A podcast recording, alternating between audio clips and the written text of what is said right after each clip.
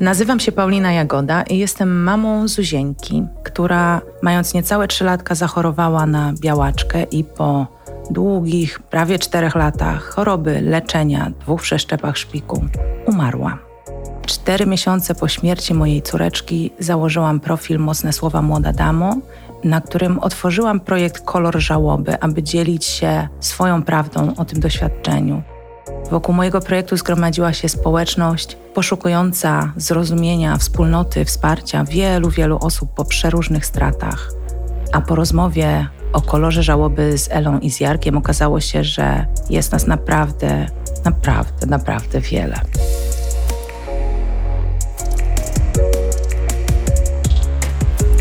Znajoma nam osoba traci kogoś bliskiego. Co jest zrobić najłatwiej? Okazuje się, że często zniknąć. A to najgorsza opcja. Jak dać znać, że myślę o tobie i twoim zmarłym? Najprościej jak się da. Dokładnie tak. Myślę o tobie i o twoim tacie. Nawet jak mówię to, najprostsze zdanie, to się wzruszam. W nim jest taka wartość, najprostsze. Myślę, że czasami się tak sami zamykamy, zapędzamy w kozi róg, próbując wymyśleć coś odpowiednio dużego, odpowiednio mądrego do tej ogromnej straty. I przez to szukamy, szukamy, szukamy tych idealnych słów, czegoś takiego, co nie będzie trywialne, czegoś, co na pewno wesprze, czegoś, co nie urazi. I w efekcie nic nie mówimy. I to nie jest fajskie. Zostają wtedy dwie strony, które bardzo potrzebują kontaktu. Jedna bardzo chce dać coś dobrego, druga bardzo potrzebuje kogoś przy sobie, ale nie ma pomostu. A tym pomostem mogą być właśnie najprostsze słowa. Pamiętam. Czy rozmawiać o osobie, która odeszła? Tak, tak, po stokroć tak. To jest jeden z tematów, który przewija się w kółko i w kółko i w kółko w listach, które dostaję od osób po stracie. Ta potrzeba słyszenia i wymawiania imienia tej osoby.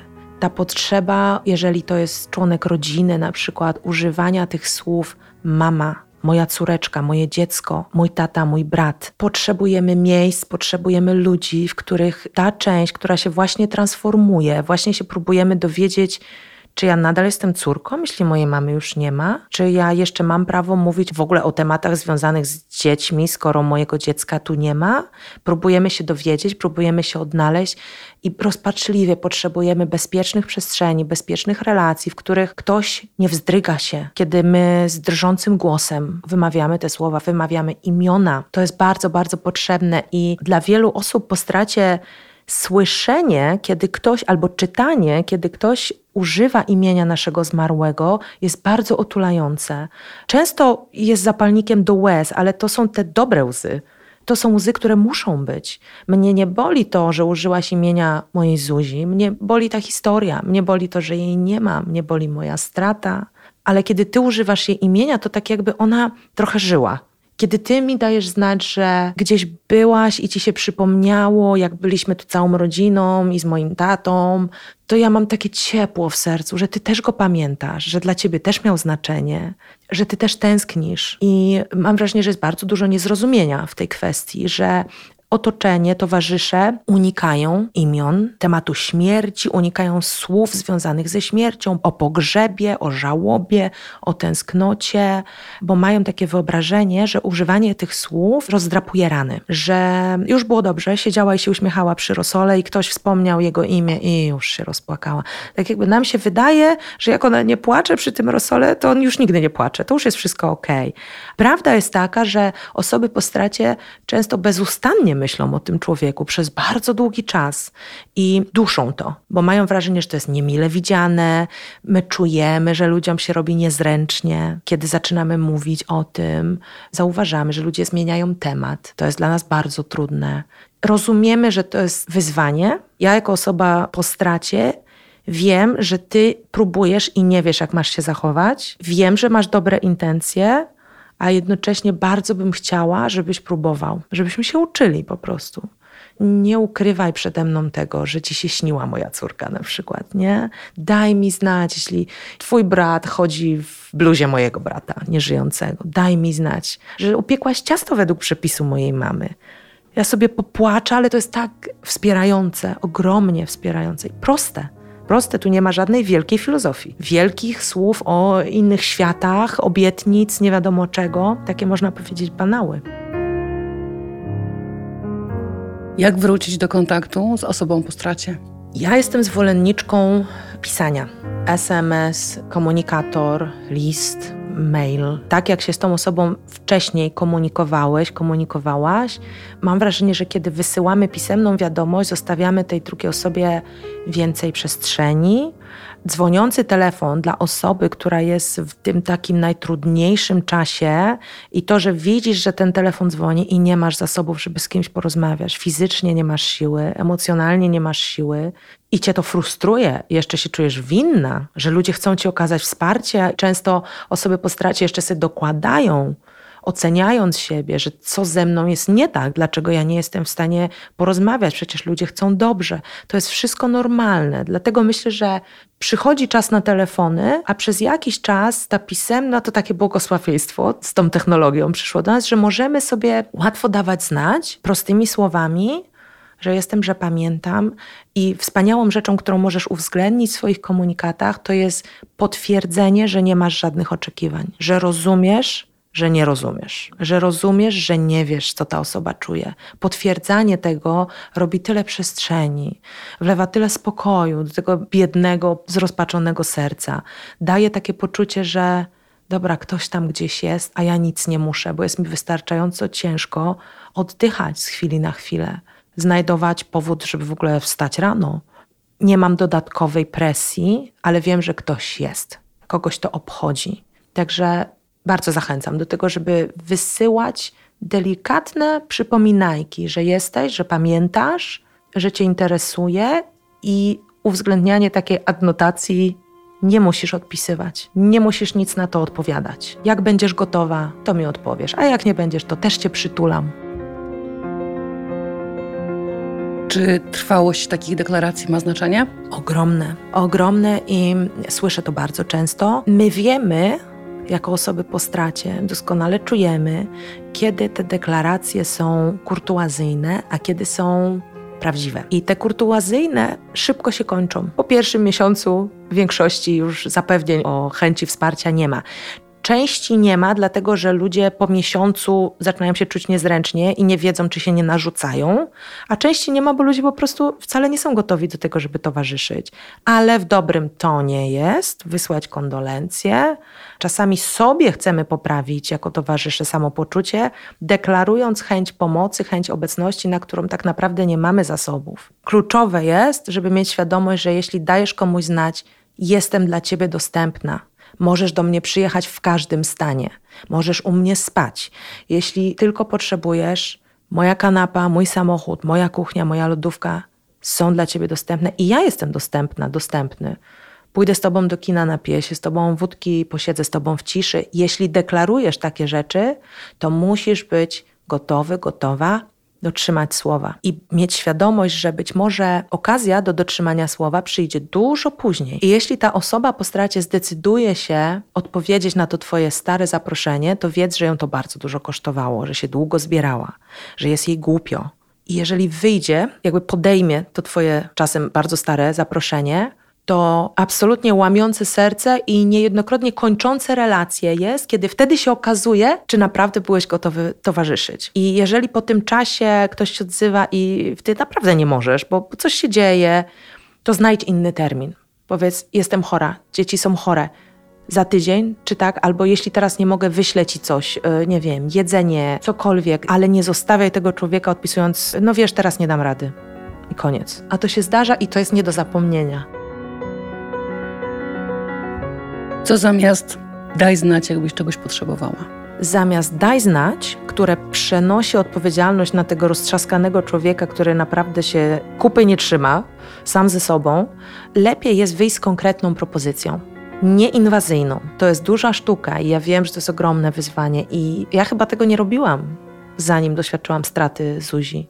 Też mi to nie przychodziło do głowy, pomijając to, że wtedy, kiedy zaczęłam poznawać mamy, które po kolei traciły swoje dzieci, ja byłam w środku huraganu szpitalnego, więc ja kompletnie nie miałam na to zasobów, ale Też nie zgrywam po prostu skarbnicy mądrości. Ja też nie wiedziałam, że jeżeli piszę daj znać, jestem, to właśnie coś takiego robię. Przekładam na tą cierpiącą osobę odpowiedzialność. Lepiej jest wyjść z konkretem, podjąć decyzję, i dać informację. Zamówiłam ci obiad, będzie o 20 pod twoimi drzwiami. Nie musisz nawet z nikim gadać. Jest opłacone, po prostu będzie o 20. Jak chcesz, to otwórz drzwi i sięgnij. A jak nie chcesz, to oddaj sąsiadom. Jakiś taki luźny, delikatny, nawet trochę żartobliwy komentarz, który robi luz, że nie musisz przyjmować, nie jesteś mi zobowiązana podziękowań ani jakichś wielkich wyrazów wdzięczności. Czułam potrzebę, miałam zasoby, kupiłam, ugotowałam, wysłałam, będzie u ciebie. Jeśli ci się przyda, skorzystaj. To jest lepsze niż daj znać, jakbyś chciała coś zjeść. Bo ta osoba pewnie ci nie da znać bardzo długo. Kolejna rzecz, którą możesz zrobić, to dać znać, że coś robisz z delikatnym wyprzedzeniem. Jutro, za dwa dni wybieram się do lasu, parku na spacer po południu.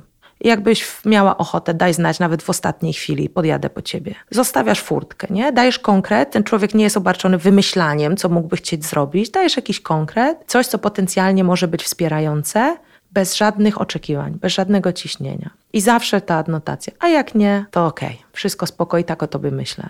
I tak cię przytulam. Pospaceruję sama i, i powysyłam ci dobrą energię. Gotuję dzisiaj fazolkę po bretońsku.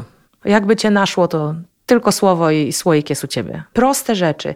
Zapraszanie na spotkania to jest taki trochę tricky temat, bo z jednej strony żałobnicy często się czują kompletnie wyizolowani, odrzuceni, jak trendowaci, że nikt mnie nie chce zapraszać, bo nie daj Boże się popłaczę, a z drugiej strony bardzo często nie mają kompletnie ochoty uczestniczyć w spotkaniach towarzyskich, czują, że nie mają z ludźmi nagle o czym rozmawiać, że połowa rzeczy albo większość ich nie interesuje, albo nie dotyczy już. To jest trudne, to jest dla obu stron trudne, i ja myślę, że warto w delikatny sposób, ze świadomością, że to jest trudne, wychodzić co jakiś czas z jakimś zaproszeniem. Może niekoniecznie na huczną, młodzieżową imprezę swobodnych ludzi, kiedy wiesz, że człowiek jest w kompletnym dole, ale coś nieinwazyjnego coś delikatnego, nietłocznego. Może masz ochotę. Jeśli masz ochotę, jesteś zawsze mile widziana. W jakimkolwiek stanie przyjdziesz. Zapłakana, nieumalowana, nie ma znaczenia. Wszystko jest ok.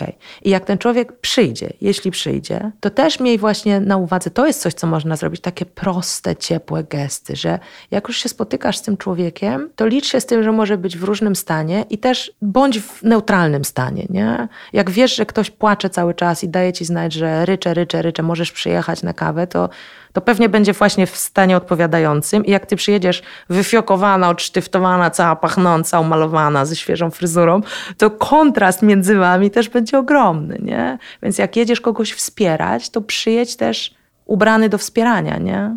Nie w garsonce. Tak, żeby kogoś objąć swobodnie, żeby swobodnie usiąść na podłodze albo na łóżku, albo na kanapie. To są takie maleńkie rzeczy. Uważność na takie maciupkie rzeczy z serca, po prostu z serca. Jakie jeszcze gesty są pomocne? Konkretne propozycje wyręczenia kogoś w takich codziennych, zwykłych rzeczach.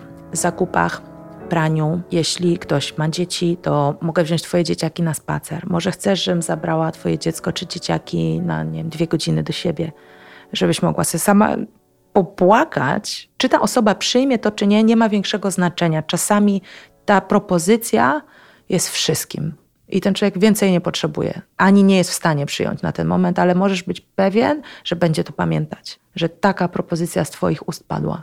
Zwykła. Wyręczanie, właśnie przywiezienie tych zakupów po prostu, nie? Tak pomyślałam, że możesz z hasłem, pomyślałam, że możesz nie mieć do tego głowy. I idziesz do Rosmana, idziesz do Biedry i kupujesz podstawowe rzeczy.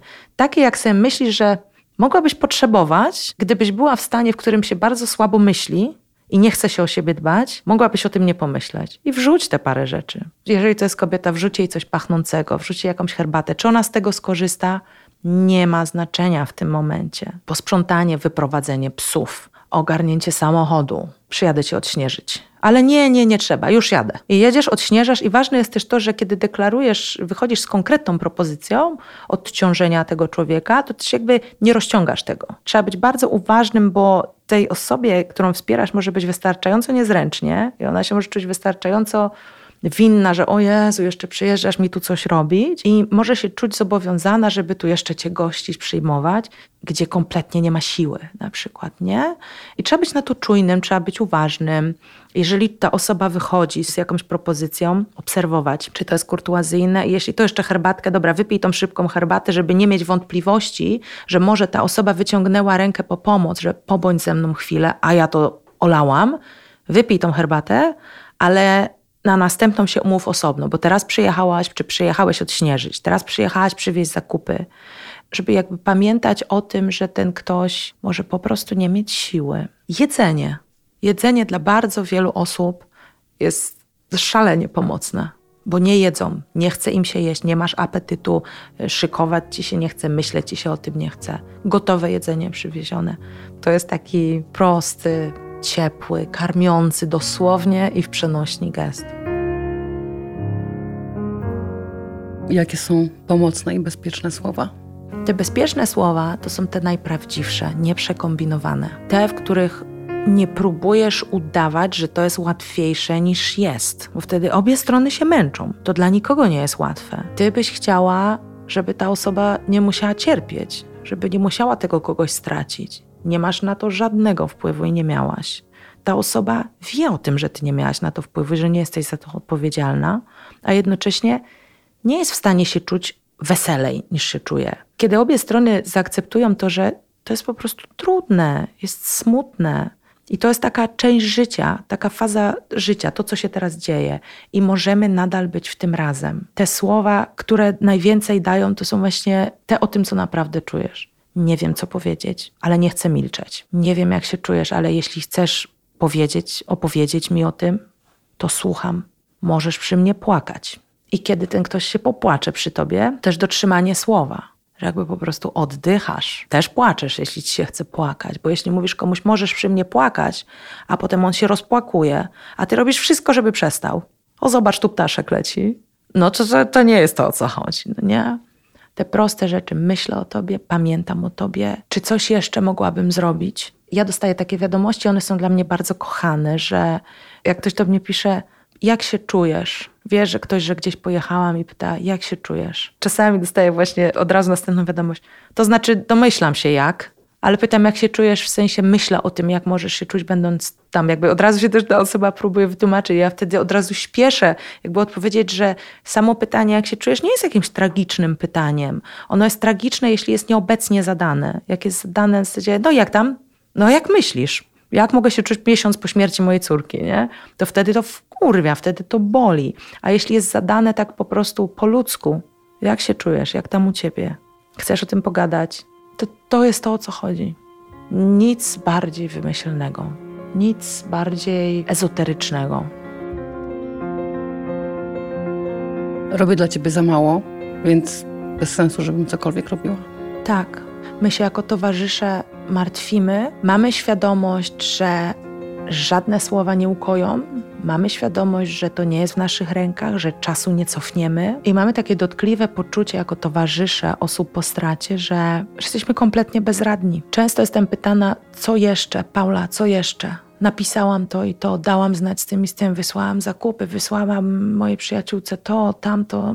Co jakiś czas pytam, co jeszcze mogę zrobić. Mam wrażenie, że to jest wszystko za mało że to jest nic. Ja myślę, że to, co możesz jeszcze zrobić, to jest po prostu zgodzić się na to, że czego byś nie zrobił, czego byś nie zrobiła, nie anulujesz bólu tego drugiego człowieka. I z tą świadomością ponawiaj swoje zaproszenia. Z tego miejsca wysyłaj kolejne ciepłe słowa, kolejne przytulające propozycje. Boję się kontaktu z tobą, dlatego milczę i się nie odzywam. To się dzieje, to się często dzieje. Gardło nam ściska, więzną nam słowa w tym gardle, mamy poczucie, że wszystko, przygotowujemy się do rozmowy i mamy wrażenie, że wszystko brzmi miałko, wszystko brzmi trywialnie. Moja córka, mam trójkę zdrowych dzieci, moja przyjaciółka właśnie straciła swoje jedyne dziecko. Jakie słowa byłyby wystarczające? Więc nie mówimy nic i sobie zostajemy na tych każde na swojej wyspie. Osoby po stracie, które usłyszały wiele nietrafionych frazesów, takich, które pomijały ich cierpienie, ich pomijały kompletnie w tej wymianie zdań, mówią lepiej milczeć. Jak się nie ma nic sensownego do powiedzenia, to lepiej milczeć. Ale ja myślę, że to jest takie zdanie, lepiej milczeć, to jest wyraz frustracji po prostu i tego, że nie mam siły już więcej odpowiadać na te kurtuazyjne, dziwne zdania, które sprawiają, że czuję się tylko gorzej. Ale tak naprawdę myślę, że lepiej próbować, próbować z uważnością na swoje intencje, z uważnością na swój stan emocjonalny, zanim ja wyskoczę z czymkolwiek do tego żałobnika Najpierw sobie obejrzyj siebie, z czym startujesz, czy w ogóle masz zasoby, żeby z nim gadać teraz. I z uważnością, z najlepszymi intencjami, pomalutku, prostymi słowami, jednak wychodzić do tego kontaktu, zadawać pytania, przyjąć to ryzyko, że zawsze w emocjach możesz coś palnąć. To jest ludzkie. Że masz najlepsze intencje i nie wierzysz, co wychodzi z Twoich ust. Po prostu, Jezu, jak ja to mogłam powiedzieć. I jak się zorientujesz, to bądź człowiekiem i to przyznaj, Jezu, przepraszam, to chyba nie jest to, co chciałam powiedzieć. Nie wiem, tak bardzo chcę cię jakoś wesprzeć i nie mam kurwa pojęcia jak. Powiedz to, ten człowiek naprzeciwko to wie, że nie ma idealnych słów. To milczenie, jest czas na milczenie, to jest też potrzebne. My potrzebujemy ludzi, z którymi możemy komfortowo pobyć w ciszy, ale są różne rodzaje milczenia. Jest to milczenie, w którym odpoczywamy, w którym nie zagadujemy na siłę. Jest ciężko, jest smutno, i jest pustka. Czy możemy po prostu w tym chwilę pobyć? W takim momencie, w którym nie ma słów, nic mi nie możesz powiedzieć, a ja mam mnóstwo do wyrażenia, ale żadne słowa nie są wystarczające na to, co ja czuję. Czy możemy tak pobyć?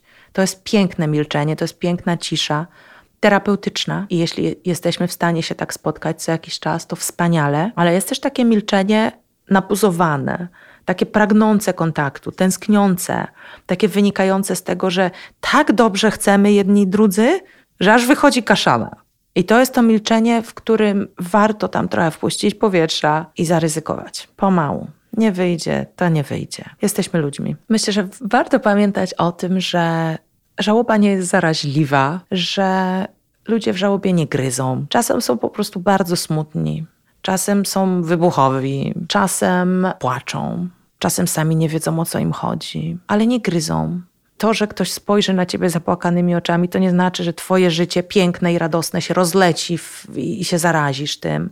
Myślę, że to jest taka rzecz, którą warto sobie na spokojnie gdzieś tam oglądać, uświadamiać, że tak naprawdę nie ma cię czego tak strasznie bać, czego się tak potwornie boisz. Smutku, swojego własnego smutku. To są ludzkie sprawy. Tak wygląda nasze życie. Bardzo dziękuję i słyszymy się w następnym odcinku. Do zobaczenia. Jeśli chcesz podzielić się swoją historią albo masz do nas pytania, napisz do mnie na bonda małpa voicehouse.co.